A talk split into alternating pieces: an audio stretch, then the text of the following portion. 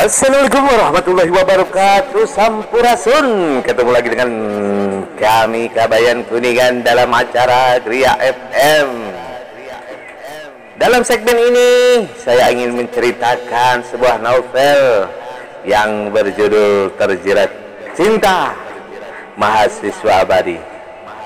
Inilah ceritanya. Naima memijit kepalanya lelah. Setiap hari perdebatan dengan sang ibu seputar itu-itu saja. Ibunya mengeluh seolah-olah dia adalah ibu yang paling malang di dunia karena anak gadisnya tak laku-laku. Andaikan mencari seorang suami semudah menemukan kucing anggora, pasti dia sudah menikah dari dahulu. Apalagi yang bisa dilakukannya, laki-laki di luar sana lebih memilih wanita tamat SMA daripada perawan tua sepertinya. Kau ini jangan lagi memilih-milih. Pak Broto belum terlalu tua. Dia baru ser baru 40 tahun. Eh baru 45 tahun. Anaknya pun sudah besar. Kau tinggal dapat mem tinggal enaknya saja. Ibunya mengomel sambil merajang sayur di dapur. Ibu, tidak adakah yang lebih baik dari itu?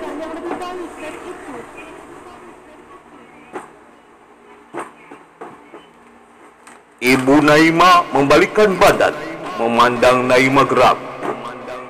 Kau terlalu memilih.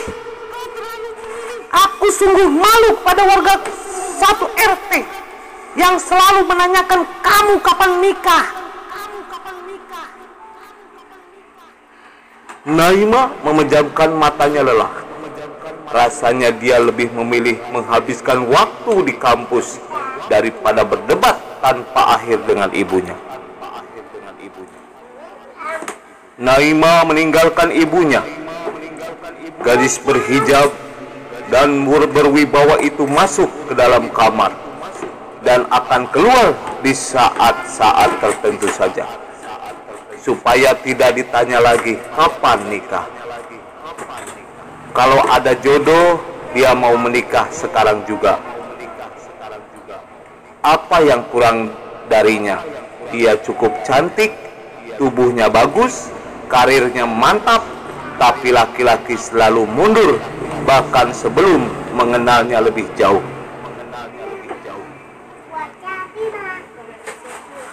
Rangga menggaruk kepalanya yang tidak gatal. Sudah dua jam dia membaca bab satu. Proposal skripsinya dan sampai sekarang dia sendiri tidak mengerti dengan apa yang dibuatnya. Mungkin dia menulisnya sambil mengigau. Judul ini dicarikan oleh juniornya sehingga bisa lulus saat seleksi pengajuan judul proposal penelitian. Sekarang adik tingkatnya sudah wisuda, meninggalkan Rangga yang merana dengan proposalnya sendiri. Satu tahun sudah proposal itu didiamkan dan dimasukkan ke dalam kardus harta karunnya. Sekarang dibuka kembali. Ah, andai saja menulis proposal itu semudah menulis surat cinta. Bapaknya begitu berharap kepadanya, dia anak satu-satunya yang dibanggakan. Mendapatkan gelar sarjana adalah mimpi bapaknya dari dulu. Walaupun di masa SMA tinggal kelas satu kali. Tinggal kelas satu kali. Dia anak kepala dusun di kampungnya bapaknya sangat dihormati dan dituakan. Apa kata dunia jika dia pulang tanpa membawa ijazah? Selama ini dia berhasil mencari alasan ketika sang bapak bertanya kenapa belum juga lulus. Bahkan dua bulan terakhir uang sakunya sudah dikurangi. Terpaksa wajah ganteng Bak Amir Khan semasa muda itu terkena sinar matahari karena dia sekarang bekerja sebagai tukang ojek online. Mau bagaimana lagi? Tidak bekerja ya tidak makan. Uang yang dikirim bapak dari kampung hanya cukup membayar biaya kuliah.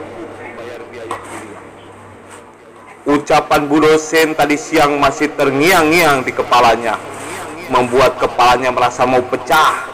Bertemu dosen cantik itu malah membuat dia trauma. Bu dosen yang entah siapa namanya itu orangnya galak, tegas, tidak bisa diajak bercanda sedikit pun. Andai saja seperempat kemampuan Bu dosen itu ada padanya, pasti kuliah terasa lebih indah. Apa yang mau saudara teliti? Kalau tidak terjadi masalah dalam kasus ini, masalah itu akan terjadi jika teori tidak sesuai dengan kenyataan. Pelajari lagi. Besok temui saya. Kalau saudara tidak paham juga, terpaksa saudara ajukan judul baru. Rangga mengacak rambut gondrongnya sehingga menjadi berantakan. Dia pusing dan tidak mengerti jika tidak lulus juga. Dia akan digantung oleh bapaknya sendiri. Rumah, sawah, dan ladang sudah tergadai demi menyekolahkannya setinggi ini. Dia kuliah di tempat orang kaya pula. Biaya kuliah dan biaya gaya hidup yang tidak sedikit.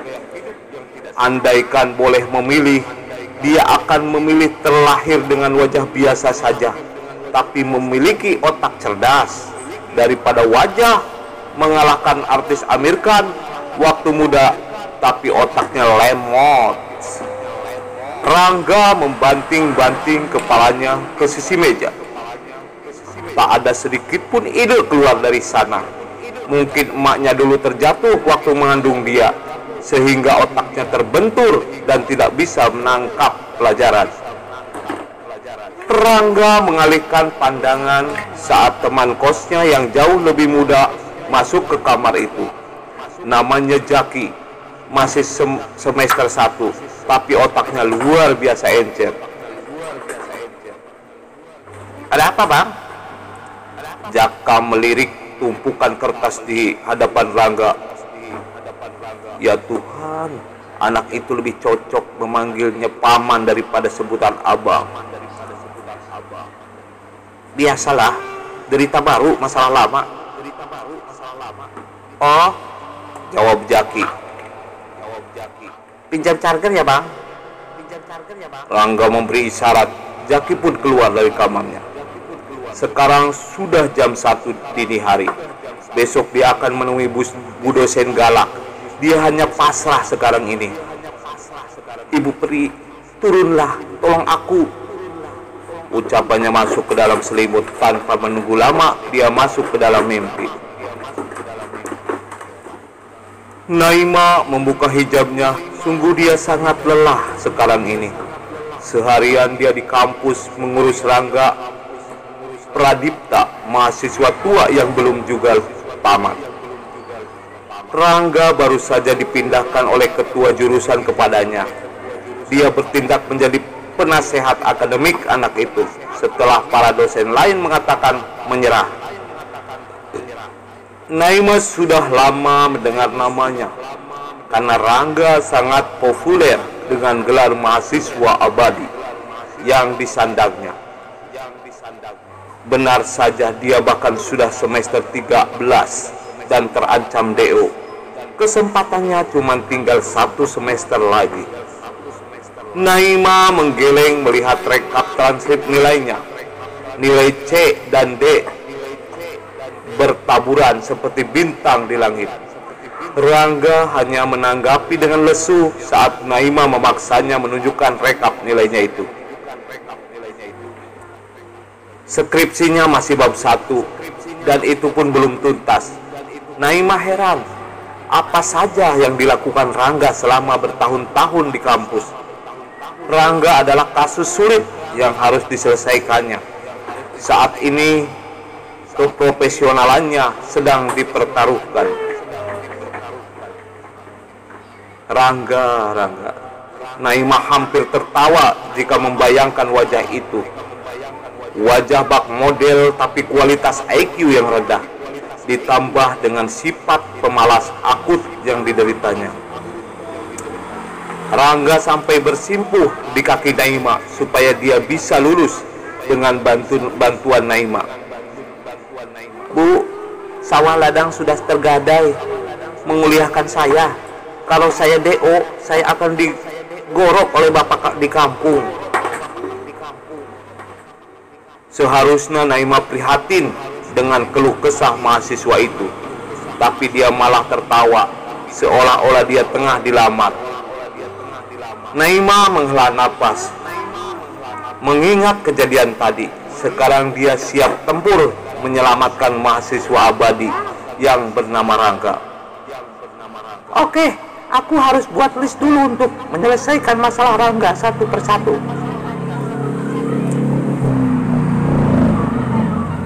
De, bersambung. Besok kita dilanjutkan lagi membacanya. Oke, hatunun sampurasun.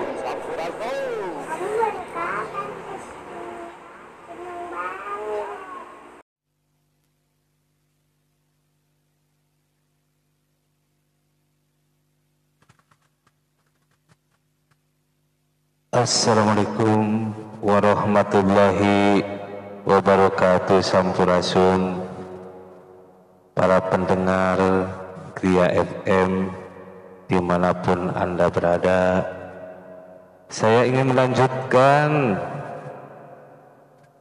uh, Novel, membaca novel Yang berjudul Terjerat Cinta Mahasiswa Abadiyah Ayo kita bareng-bareng membaca.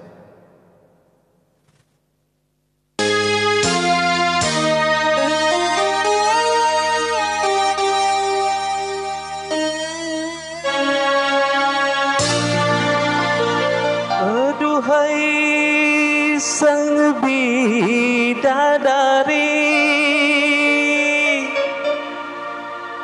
Benarkah kau membenciku? Ataukah memang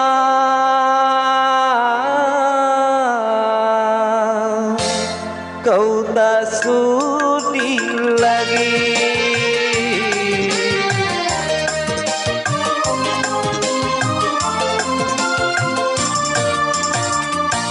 Masih adakah rasa sayang di hatimu? Masih adakah sisa cinta di hatimu? Serta kerinduan di dalam hatimu. Untuk diriku yang mencintaimu masih adakah rasa sayang di hatimu. Masih adakah sisa cinta di hatimu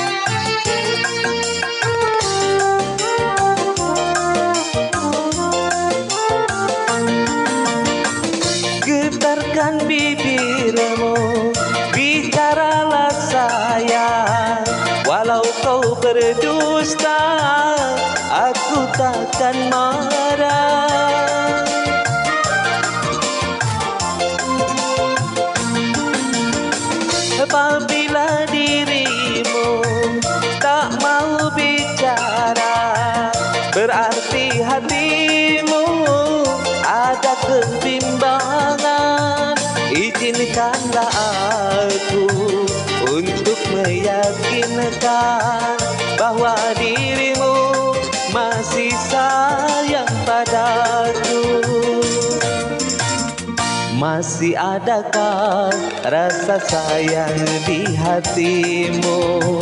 Masih adakah sisa cinta di hatimu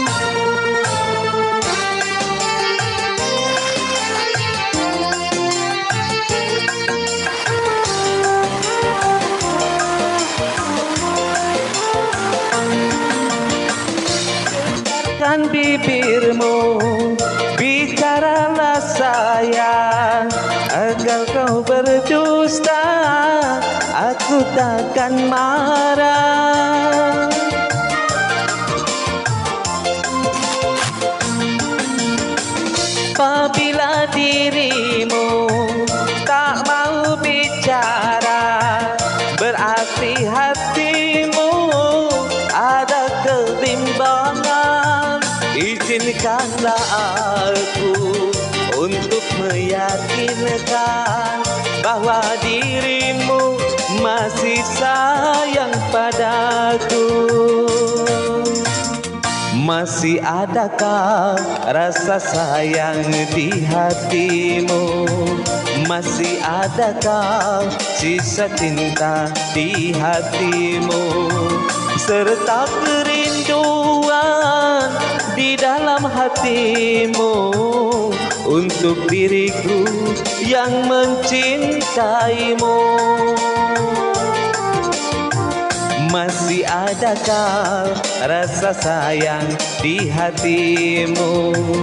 Masih adakah sisa cinta di hatimu? Oke, kita lanjutkan ceritanya. Episode kedua ya. Eh, kemarin ceritanya sampai Oke, aku harus buat list dulu untuk menyelesaikan masalah Rangga satu persatu. sampai di situ. Oke, selanjutnya inilah Naima mengaduk sarapannya bosan sepiring nasi goreng dan ocehan ibunya adalah paket lengkap sarapannya setiap pagi. Kalau ada remote untuk menghentikan orang berbicara, maka dia akan membelinya. Ibunya cerewet luar biasa. Terkadang dia berniat punya rumah sendiri supaya dia bisa hidup dengan nyaman. Tapi mengingat ayahnya yang sudah sakit-sakitan, dia menjadi tidak tega. Pak Proto akan datang melamarmu nanti malam. Siapkan penampilan terbaikmu. Kalau kau tak pulang cepat, aku akan menyeretmu dengan paksa dari kampusmu. Ibu, kenapa ibu mempermalukan aku begini? Naima tidak terima ibunya yang tadi membersihkan sayur berbalik menatapnya, melempar kain lap yang ada di tangannya.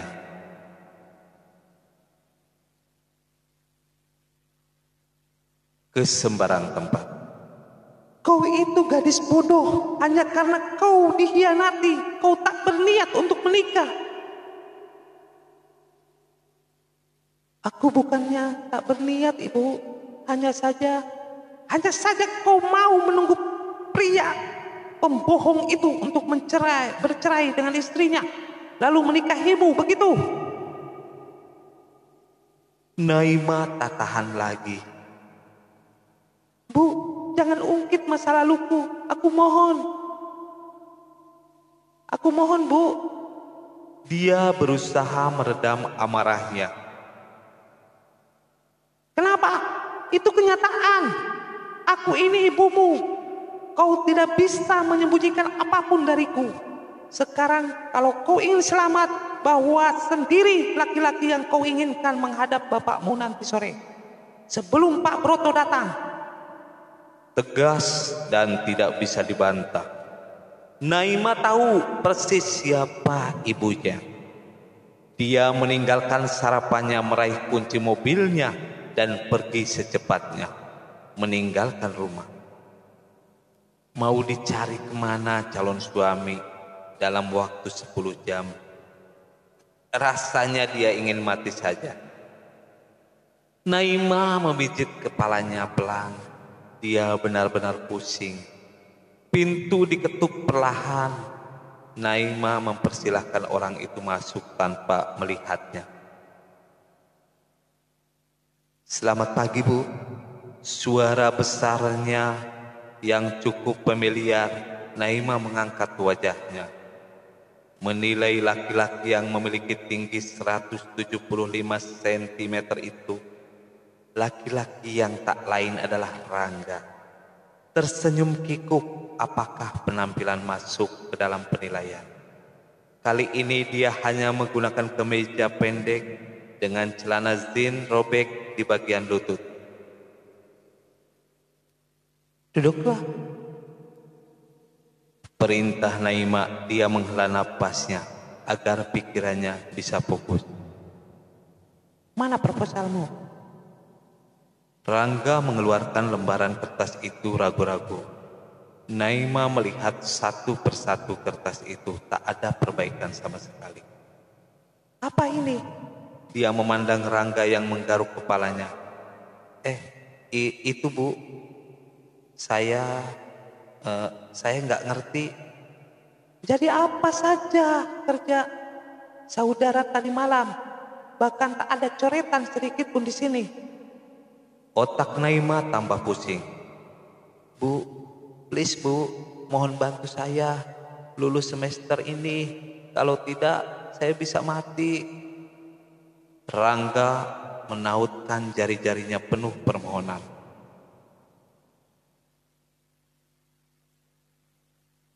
Rangga, lulus atau tidak, semua tergantung usahamu sendiri. Saya cuma bisa membantu. Bu, saya mohon saya akan lakukan apa saja yang ibu pinta asalkan saya bisa lulus. Rangga berlutut bahkan tangannya seenaknya mampir ke paha Naima untuk berpegangan. Naima menyingkirkan tangan itu dengan marah. Maaf bu, saya nggak sengaja. Duduk di kursi. Perintah Naima Rangga menurut. Benar, kamu akan melakukan apa saja. Naima mencoba keberuntungannya. Ini gila tapi terpaksa dilakukannya. Saya bersumpah asalkan saya enggak disuruh terjun dari gedung akan saya lakukan. Saya enggak mau mati sekarang. Saya masih perjaka bu. Naima menggeleng-geleng mahasiswa aneh. Kau pikir aku sejahat itu jadi apa yang harus saya lakukan? Oh, salah. Kau pikir aku sejahat itu? Jadi apa yang harus laku, dilakukan? Gampang saja, nanti ikut ke rumah saya. Nyamar jadi calon suami di depan keluarga saya bisa? Itu saja bu, itu mah kecil. Rangga tersenyum remeh. Jam 5 sore kita akan temui orang tua saya beraktinglah sebaik mungkin saya akan menjamin kelulusan saudara di semester ini. Wah, terima kasih Bu. Rangga tersenyum bahagia, berniat memeluk Naima. Naima melotot sehingga tangan itu berhenti mendadak. Jangan menyentuh saya sembarangan, paham? Rangga kembali nyengir, tapi dasar mulut tak bisa direm. Dia malah melontarkan pertanyaan yang membuat Naima marah. Ngomong-ngomong, kok saya yang harus pura-pura? Ibu nggak laku ya? Naima mendelik ke arahnya. Mau lulus atau tidak? Saya tidak punya waktu mencari calon suami. Jangan banyak bicara. tapi banyak bekerja. Di situ kelemahan saudara selama ini. Iya bu, Rangga menundukkan wajahnya. Sini saya bantu. Naimah meraih proposal itu, menerangkan satu persatu secara detail. Rangga mengangguk-angguk. Awalnya dia masih tidak paham, tapi Naimah tidak menyerah menjelaskannya sampai Rangga mengerti. Suara tegas Naimah dan wangi mawar yang tercium di hidung Rangga menjadi penyemangat tersendiri. Rangga akhirnya keluar dari ruangan dengan wajah berbinar. Setelah dua jam konsultasi, dia sudah tahu apa lagi yang akan dikerjakannya. Dosen cantik itu membuat daftar khusus untuknya setiap hari. Daftar itu harus ditaati, menaati atau mati. Rangga terbayang kumis tebal bapaknya. Rangga mematut dirinya di depan cermin. Baru saja Naima mem membelikannya satu setelan pakaian bermerek yang harganya cukup mahal. Rangga benar-benar merasa seperti bintang film. Kenapa tidak ada satu produser pun yang meliriknya untuk menjadi artis? Dunia memang aneh. Naima masuk tidak sabaran ke ruang ganti itu, menunggu Rangga layaknya menunggu pengantin yang sedang bersolek. Kenapa lama sekali? Bapak saya sudah nunggu lama. Bapak saya sudah nunggu. Ini sudah jam 5 lewat 10. Eh, iya bu, Rangga meraih ranselnya, baju, ranselnya. Baju baru mem memberi aura positif padanya. Dia menjadi bersemangat. Mereka berangkat dengan mobil Naima. Rangga tak berhenti mengagumi mobil mungil itu. Gaji sebagai dosen besar ya bu. Gaji sebagai dosen besar ya bu. Gaji sebagai dosen besar ya bu. Mobilnya kelihatan mahal. Enggak juga. Jawab Naima dia konsentrasi menyetir. Nanti kalau ayah nanya, kamu jawab iya aja, iya aja ya. Jangan asal bicara ngerti. Beres bu. Rangga mengangkat tangannya seperti memberi tanda hormat. 30 menit berkendara mereka sampai di rumah Naima. Rumah sederhana tapi sangat bersih dan asri. Bermacam-macam bunga, warna-warni dan tanaman hias lainnya. Tertara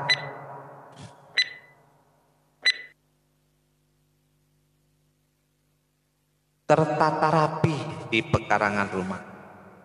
Ada kolam kecil dengan air mancur yang didesain apik dan begitu menawan. Rumah itu tidak terlalu besar tapi kesannya begitu luas. Dengan penataan dengan penataan perabotnya rumah ini bersih. Menggambarkan pemiliknya yang suka kerapian dan keteraturan. Benar saja, baru saja Rangga mengucapkan salam.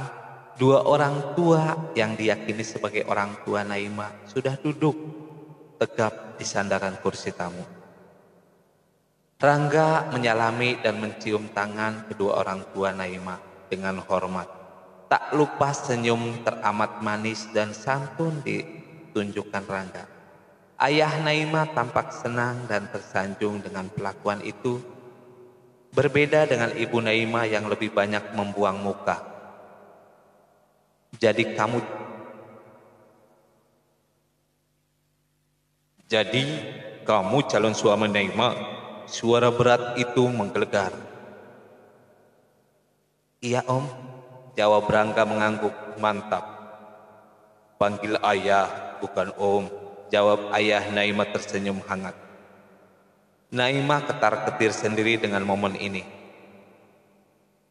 Jadi, siapa namamu, nak? Saya Rangga, om. Eh, ayah, Naima berdoa, jangan sampai ketololan Rangga keluar saat ini. Sikap pria itu bisa menghancurkan rencananya. Berapa usiamu? Saya 27 om. Eh ayah, hehe. Rangga salah tingkah. Masih muda tiga tahun dari Naima, tapi tidak masalah. Ayah Naima mengangguk-angguk lagi. Ibu Naima melotot tajam pada anaknya. Mata itu menyiratkan, kau temukan di mana anak ini? Kerja di mana? Inilah pertanyaan yang ditakuti Rangga. Dia tak mungkin mengatakan kalau dia hanya tukang ojek online. Naima menguasai keadaan lalu menjawab tenang. Rangga bekerja di perusahaan transportasi ya. Oh, bagus itu nak, Rangga serius dengan Naima kan? Iya, iya ya. Rangga mengangguk mantap seperti perintah Naima. Dia cuma perlu mengatakan iya-iya saja. Berapa lama kalian saling mengenal? Enam tahun ya. Naima menjelat cepat. Sudah cukup lama, baiklah dua hari lagi kalian menikah. Suruh orang tuamu datang melamar besok ya. Rangga dan Naima seolah-olah seperti disambar petir. Dia tak menyangka sandiwara ini berakhir serius. Menikah. Dengan Rangga, apa jadinya pernikahan mereka nanti? Rangga menoleh kepada Naima dengan pandangan meminta tolong. Bu, bagaimana ini fisiknya? Eh, besok kita sambung lagi sampai India. Oke, besok kesambung lagi.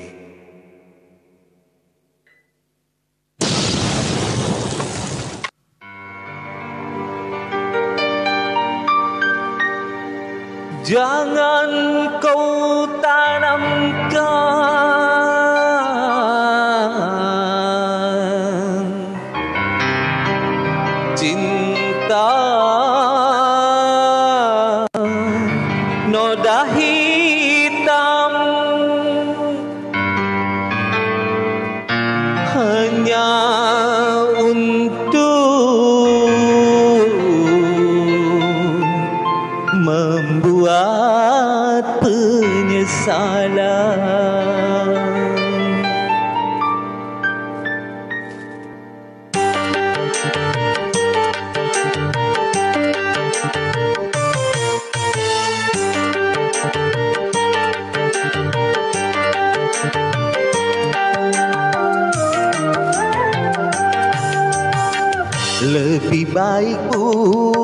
saja sudah hubungan kita. Daripada lama-lama aku mati tersiksa. Cukup sudah ku mengerti Apa yang kau harap dariku Aku hanya punya cinta dan tak punya apa-apa. Oh, oh, oh. Lebih baik putus saja sudah hubungan kita daripada lama-lama aku mati tersiksa.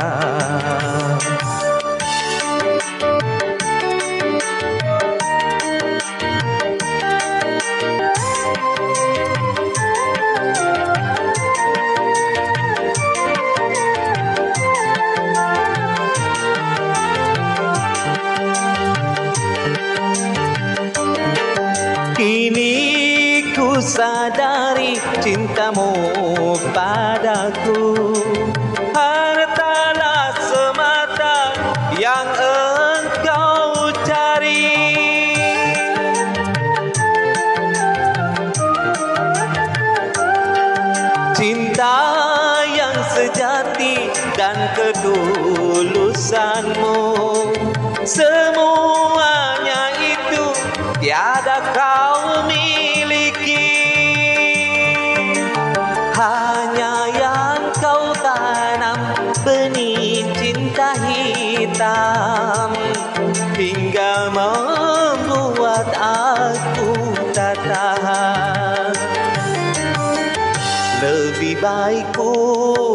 saja sudah hubungan kita daripada lama-lama aku mati tersiksa.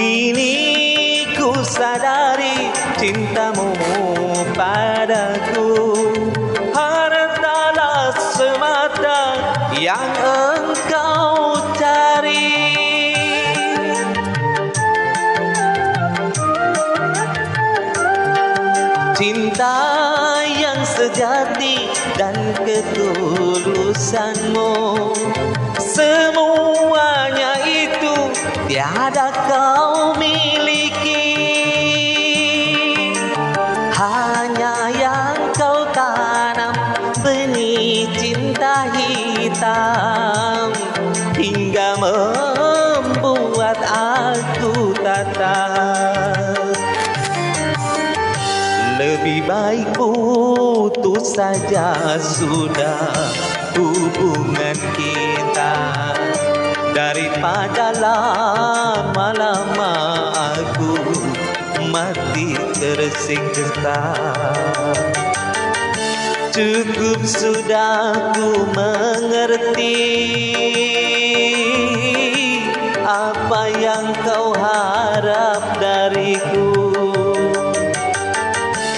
Aku hanya punya cinta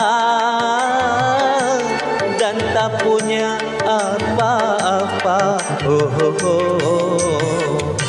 Lebih baik putus saja sudah hubungan kita daripada lama-lama aku mati tersiksa. Oke, besok kita lanjutkan lagi ya eh, membaca novelnya. Oke, terima kasih. Assalamualaikum warahmatullahi wabarakatuh. Sampurasun.